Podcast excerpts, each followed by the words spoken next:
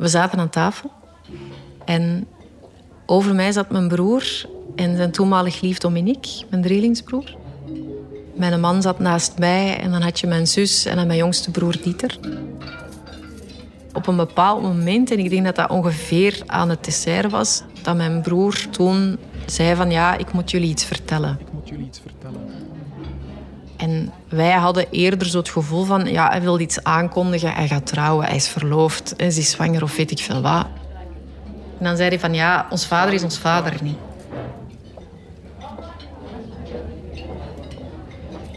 Op het moment dat hij dat vertelde, omdat het zo een feestelijke gebeurtenis was, dacht ik eigenlijk dat de man grappen was. Ik dacht echt, echt, echt dat het een grap was. Mijn zus die begon zo direct zo van, ah, ons moeder heeft een affaire gehad. En wie weet kennen we die mens. En dan uh, begon Dominique, zijn vriendin, verder te vertellen dat zij een gesprek had gehad met een tante van ons. En dat die tante toen aan haar had verteld dat uh, inderdaad ons vader ons vader niet was. En dat wij een drieling uh, donorkinderen zijn, omdat mijn ouders geen kinderen konden krijgen en dan zo bij een of andere arts zijn beland. En daardoor dan zwanger zijn geworden.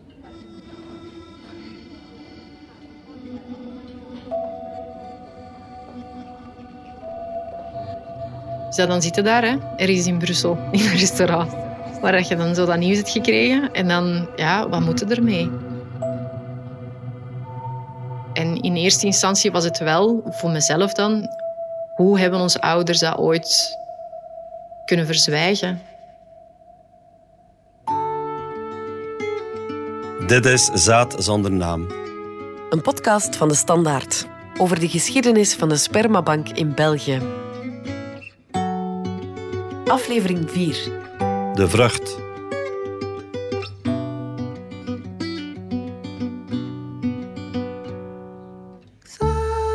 Naam. Ik ben Stef. Leeftijd. Ik ben momenteel 43 jaar oud. Kinderen. Mijn zoon is 15 jaar oud nu ondertussen. En ons dochter is 13. En ik ben ook een donorkind. Ik ben Marc Mailleu, ik ben zelf donor geweest en ik ga je door het verhaal van Stef hitsen.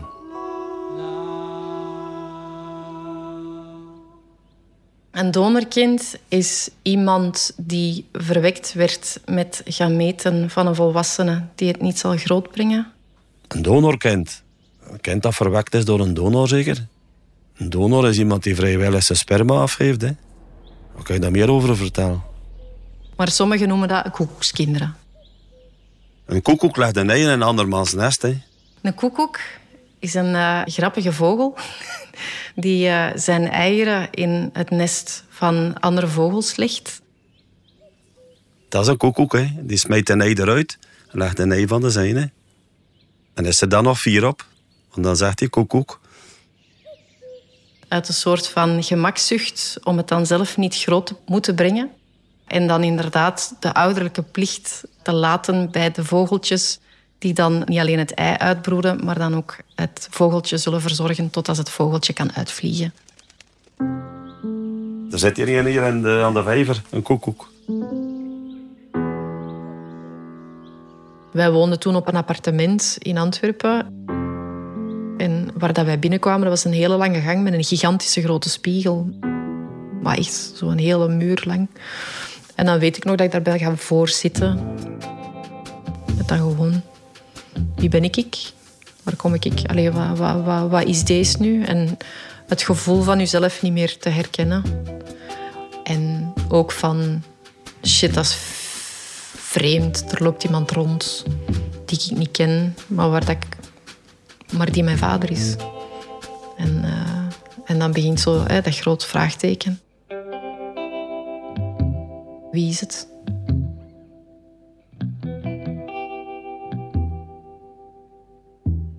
Ik hoop dat dat hele goede ouders zijn. Hè? Beter dan ik. Ja? Ik heb ook altijd het gevoel gehad dat dat behoede ouders zijn. Maar dat kost te veel geld. Als de kinderwens zo groot is en je doet zoveel om een kind te hebben, hou je daar toch van? Hè? Ik weet het niet. Hè? Het moment dat we wisten dat we donorkinderen waren en dat je dan effectief zo een flashback hebt van waar had ik het eigenlijk kunnen weten en wat waren die opmerkingen.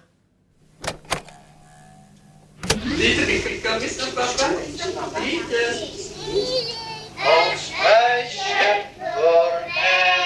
Oh, dat zijn die voorbijgereden. Dus dat is heel praktisch zo mooi. Ja, dat is heel praktisch. Ja, de cadeautjes. Maja, Kapoen,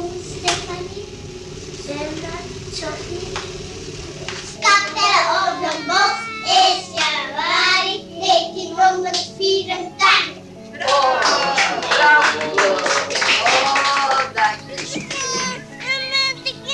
Nou, die strekt lekker. Die staltjes er. Over bepaalde zaken werd er niet gesproken. Hè. Kinderen kwamen met nooievaren. Geen kinderen kunnen maken. Maar de impact heeft dat op een man. Niemand loopt daar meer rond. Hè. Niemand. Hè. Dat is schande tussen haakjes. Nu zeggen ze ook, wij zijn zwanger. Vroeger was het, mevrouw is zwanger. Hè. En de man was de verwekker. En als je dan een man hebt die geen kinderen kan maken, hij werd uitgelachen op café. Als er ergens in een discussie was om te lachen, dan vloog dat daaruit. Hè. Je geen kinderen maken. Je kunt geen kinderen maken. En dan kreeg je soms de opmerking, kan ik de facteur zijn? Of de melkboer? Dat moet diep gewoon, pees ik. Mensen lachten daarmee. Hè. Want wa- waarom trouw je? Om kinderen te maken, om je naam voor te zetten. Dat was een eer. Hè. En als jij dan als man geen kinderen kunt maken, wat ben je dan? Iets minder dan een vrouw, hè? En een vrouw stond al zo laag op de sociale ladder, zo, dus ja. Daar werd er mee gelachen, hè? Op zondagavond werden wij altijd naar het internaat gebracht. En dat was een school waar meisjes van gegoede families naartoe gingen. En ik weet nog dat we, ik denk dat we ongeveer 15 jaar oud waren en ons vader bracht ons naar het internaat. Ja, je moet je zo inbeelden dat dat zo'n hele grote klassieke katholieke school was met verschillende bijgebouwen, met dan zo drie verdiepen en een hele grote traphal. Dan zo een, een of andere non die aan de receptie zit. Om dan de kinderen te tellen die dan eh, naar eh, binnen werden gebracht. De ouders mochten meelopen tot aan de kamer om de valies naar boven te brengen. En dat was eigenlijk ook wel een school vol met klassieke schoonheden. Dus dat wil zeggen het klassieke type van vrouw met uh, pareloorbelletjes, met uh, opgestoken haar, blond, blauw ogen. Het zijn die clichés. En dan weet ik nog dat we door die grote gangen liepen en dat we op een bepaald moment een meisje kruisten. Geraldine was haar naam. Zij zat twee jaar hoger dan wij. Ik denk dat zij in het zesde middelbaar zat en wij in het vierde. En dat wij haar passeerden in die grote gang en dat mijn opvoedvader op een bepaald moment zei tegen mij en mijn zus van ja, waarom lijken jullie daar niet op? En dat was een van die momenten die naar boven kwam, waarvan ik dacht van tja, die opmerking die is mij altijd bijgebleven. Dus mijn opvoedvader zei dit toen. Ik heb dat zo geïnterpreteerd, maar met de informatie die ik nu heb, weet ik eigenlijk dat hij iets anders bedoelde. En dat hem eigenlijk refereerde naar het feit van... ik had liever iets anders gewillen.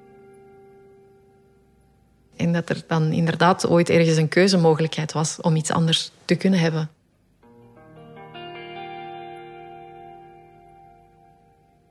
Soms denk ik dat dat een vloek is over een hoofd. Want zij zijn verwekt met de sperma van een andere vent. En dat blijft dan in dat gezin. En ik vind dat je als ouder heel sterk moet staan om daar nooit over te praten. Dat moet lastig zijn. Dat moet heel lastig zijn. Er is één sprookje waar ik me heel hard mee identificeer.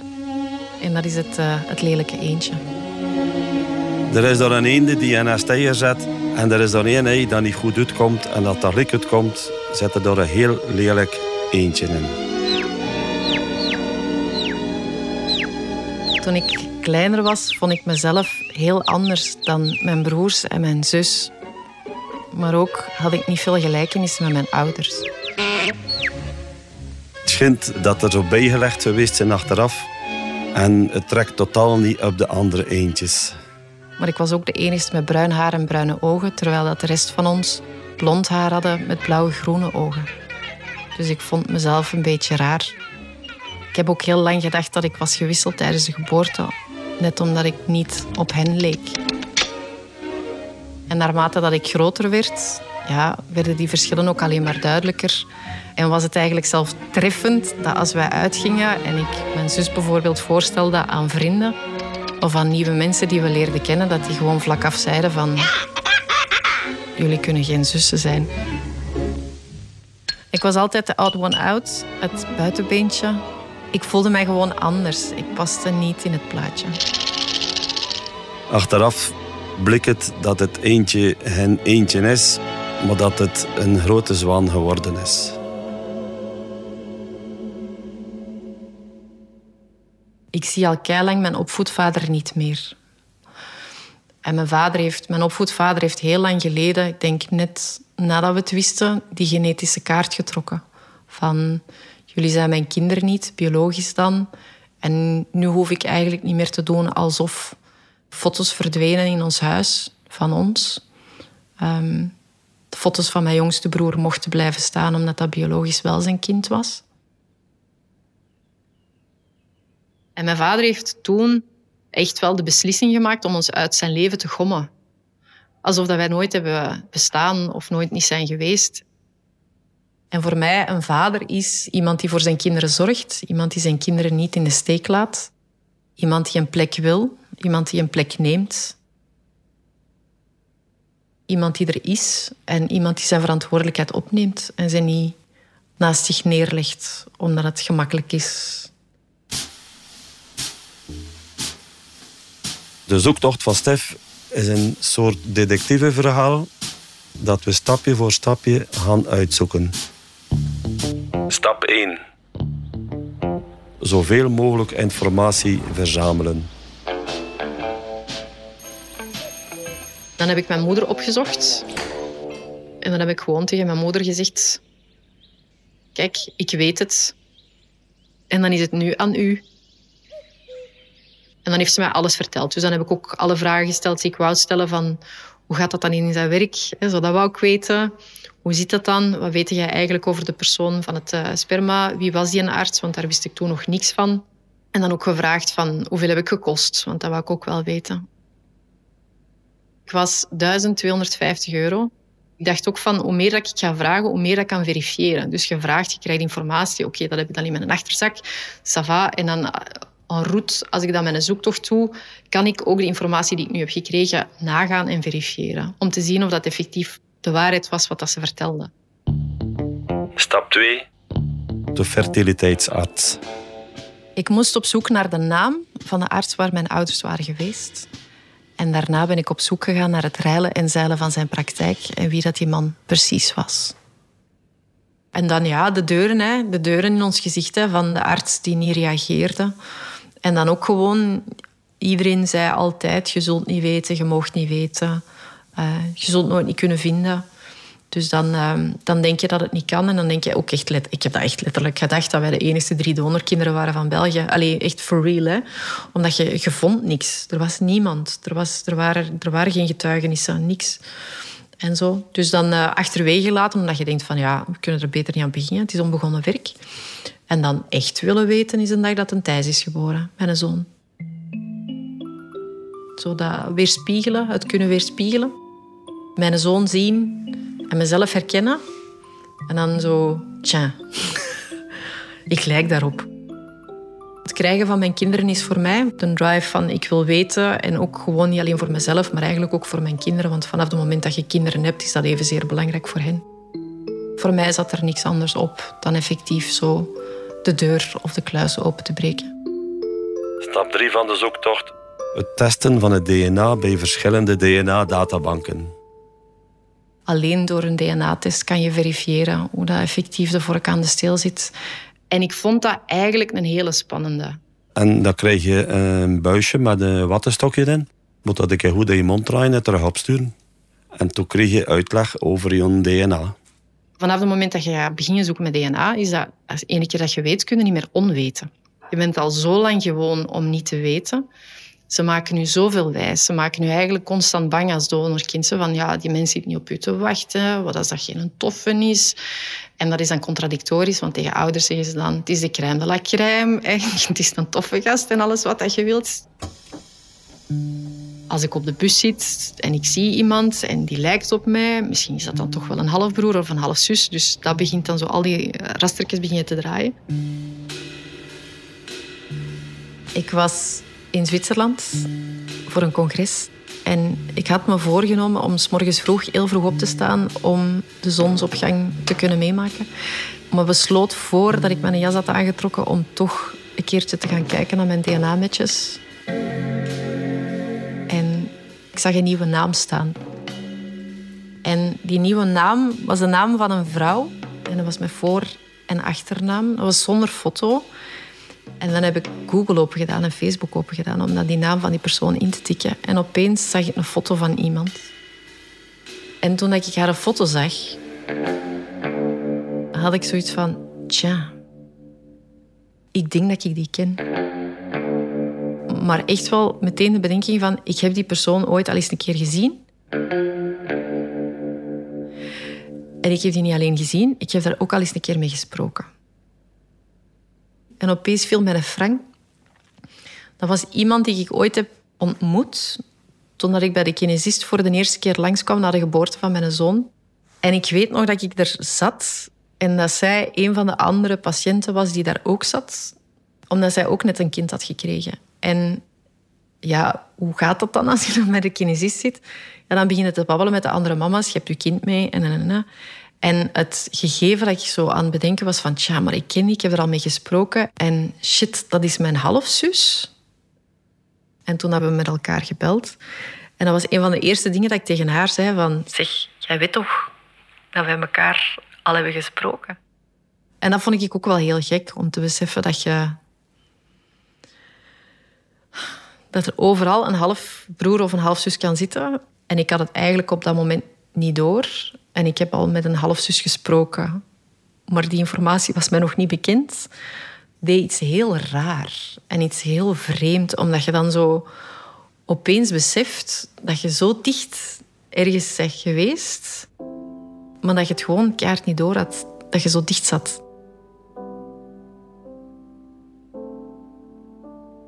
Als ik kijk op de website waar al die DNA-matches staan, dan denk je onmiddellijk dat is waarschijnlijk een kind van mij. Hè. In het begin doe je dat wel. Hè. Ze mensen aftoetsen, het gezicht dat erop trekt. Vergelijk dat dan met jouw kinderen. Van, hè, je hebt daar een vergelijkingspunt. Dat doe je wel.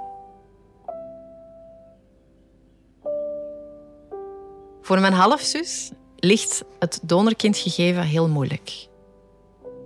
Niemand weet, behalve haar partner en haar zus, dat zij een donorkind is. En niemand mag het weten.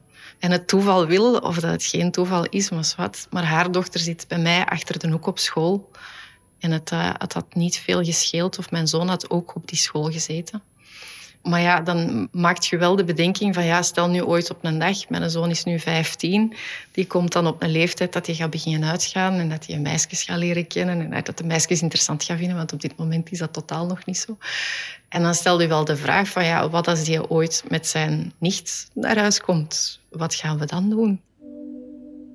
En ja, zij weet wel al dat ooit, mocht die situatie zich voordoen, ja, dat dan wel de moment is dat ik of zij met haar dochter wel het gesprek gaat hebben. Dat een relatie er niet in zit, omdat ze aan elkaar verwant zijn.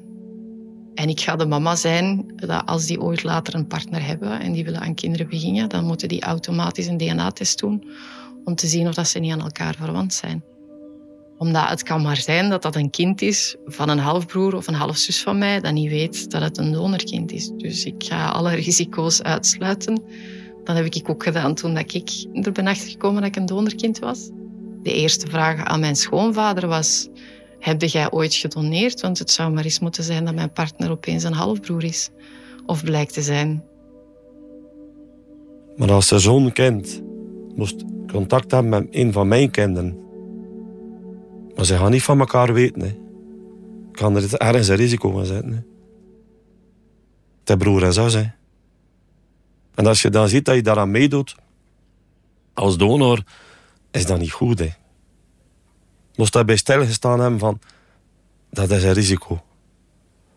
En dat heb ik niet gedaan. Stef Rijmakers hier bij ons. Je bent voorzitter van de VZ2 Donorkinderen en je bent ook een kind van een donorvader. Stef Rijmakers, goedemiddag. Van de VZ2 Donorkinderen. Dag Sophie, ga maar zitten. Ga maar zitten. Dames, twee zussen uit uh, Mechelen. Het is schrijnend en mensonterend dat ik publiekelijk in de vitrine moet gaan staan. We hebben uh, Stef Rijmakers uitgenodigd. Er zit je zo'n detectieve naast mij en dat is Stef Rijmakers. Om dan toch nog iets te kunnen krijgen of iets te weten kunnen komen over iets wat dat heel belangrijk is voor mij. Ik wil weten waar de helft van mij vandaan komt. Ik hoef eigenlijk mijn verhaal niet te delen. Ik doe dat met een hoger doel. Ik wil gewoon weten waar wij vandaan komen. De fundamentele onbeantwoorde vraag. My heritage and my ancestry matter.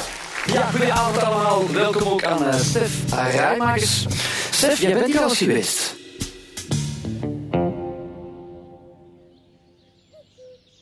Stap 4. Puzzelen met de stamboom. Stef heeft een paar halfbroers gevonden via DNA-testen, maar het heeft heel lang geduurd. Ik heb er uiteindelijk ja, drie jaar over gepuzzeld. Dus ik heb me alleen maar gefocust op die helft van die boom dat niet zichtbaar is, om die eigenlijk zichtbaar te krijgen. En dat ik wist van oké, als ik het allemaal goed uitwerk en het klopt allemaal, de mensen die ik heb gevonden, en ik vind de broers en de zussen, en ik vind de kindjes, en ik vind dan de kindjes van de kindjes, daar moet hem dan ergens tussen hangen. Maar dat is wel een serieus werkje geweest. En u hoopt op deze wijze meer halfbroers of halfzussen te vinden of haar vader. En zo echt ervan overtuigd zijn van, ja, ja, dat komt allemaal goed, ik ga die wel vinden. En dan um, heeft uiteindelijk een match met een jongen uit Amerika mij geleid naar het kunnen pinpointen van dit moet een tak zijn. En nu moet ik die een tak uitwerken. En alles wat dat 19 jaar was in 1978 en een man is, kan mijn vader zijn. Had en de leeftijd en de locatie en het feit dat ik hem dan kon linken aan Schoismans, omdat hem daar ook effectief had gestudeerd, was voor mij dan zo van oké, deze moet hem eigenlijk wel zijn. Dus ik kan met 100% zekerheid, met een papiertje in mijn hand, kan ik gewoon zeggen, Mark Volens is mijn biologische vader en ik heb er maar één en het kan niemand anders zijn. Los van alle andere emoties die eraan verbonden zaten, heeft dat mij wel rust gebracht en ook een soort van kracht. Dit is hem.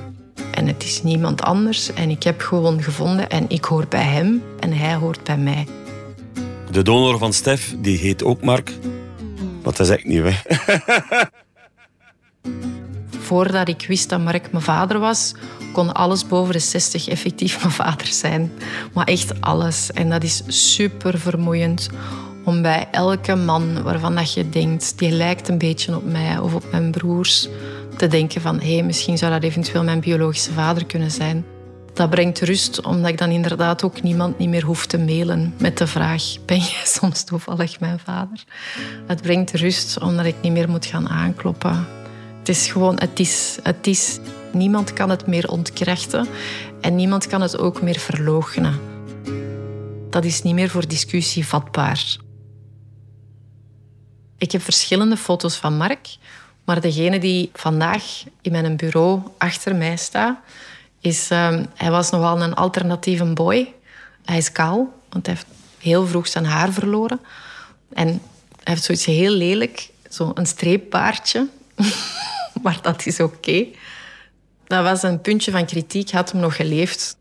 Maar um, hij staat er eigenlijk als een, een krachtige man met een lieve blik in zijn ogen en uh, mooi. Hij is alleen gestorven en hij is in boosheid ten opzichte van de wereld gestorven. Met de gedachte dat hij niks achterliet. Terwijl uh, hij heeft vijf kinderen en zeven kleinkinderen. En ik denk dat hij misschien wel iets van zelfliefde had gevoeld, had hij zichzelf ook kunnen reflecteren. Dus dat vind ik jammer voor hem. En vind ik ook jammer voor mezelf natuurlijk, ja. Als ik foto's zie of ik lees dingen dat hem ooit heeft geschreven, is dat, dat voelt wel heel eigen en heel natuurlijk aan. Stef wilt na jaren nog altijd haar vader leren kennen. En dat kan door verhalen van vrienden en familie. Dan hoor ik van de vrouwen in zijn leven dat hij eigenlijk wel een hele lieve, innemende kerel was. Gevoel voor humor. Hij was uh, uitgesproken en hij was ook een kuitenbijter. Dus dat wil ook zeggen dat hij zich in dossiers kon vastbijten en dat hem ook niet losliet. Wat ik wel herken bij mezelf. Had ik kunnen opgroeien bij de ouders van wie ik afstam, denk ik dat ik een gelukkiger mens had geweest van bij het begin. Omdat mijn wortels effectief de grond hadden gekend waar dat mijn wortels in thuis hoorden. Terwijl ik nu vind dat ik ben opgegroeid met ofwel de helft van mijn wortels ofwel de helft ontblote wortels in een grond dat niet mijn eigen grond was. Dan had ik de start gekend die ik had moeten kennen. Het donorkind gegeven, het feit dat ik ben opgegroeid in een gezin dat maar de helft het mijne was, heeft mij toch wel voor een stuk beschadigd. Uh, maar dat kan ik natuurlijk alleen maar nu opmeten en vertellen en delen. In de hoop dat andere mensen zich daarvan bewust zijn. Ja.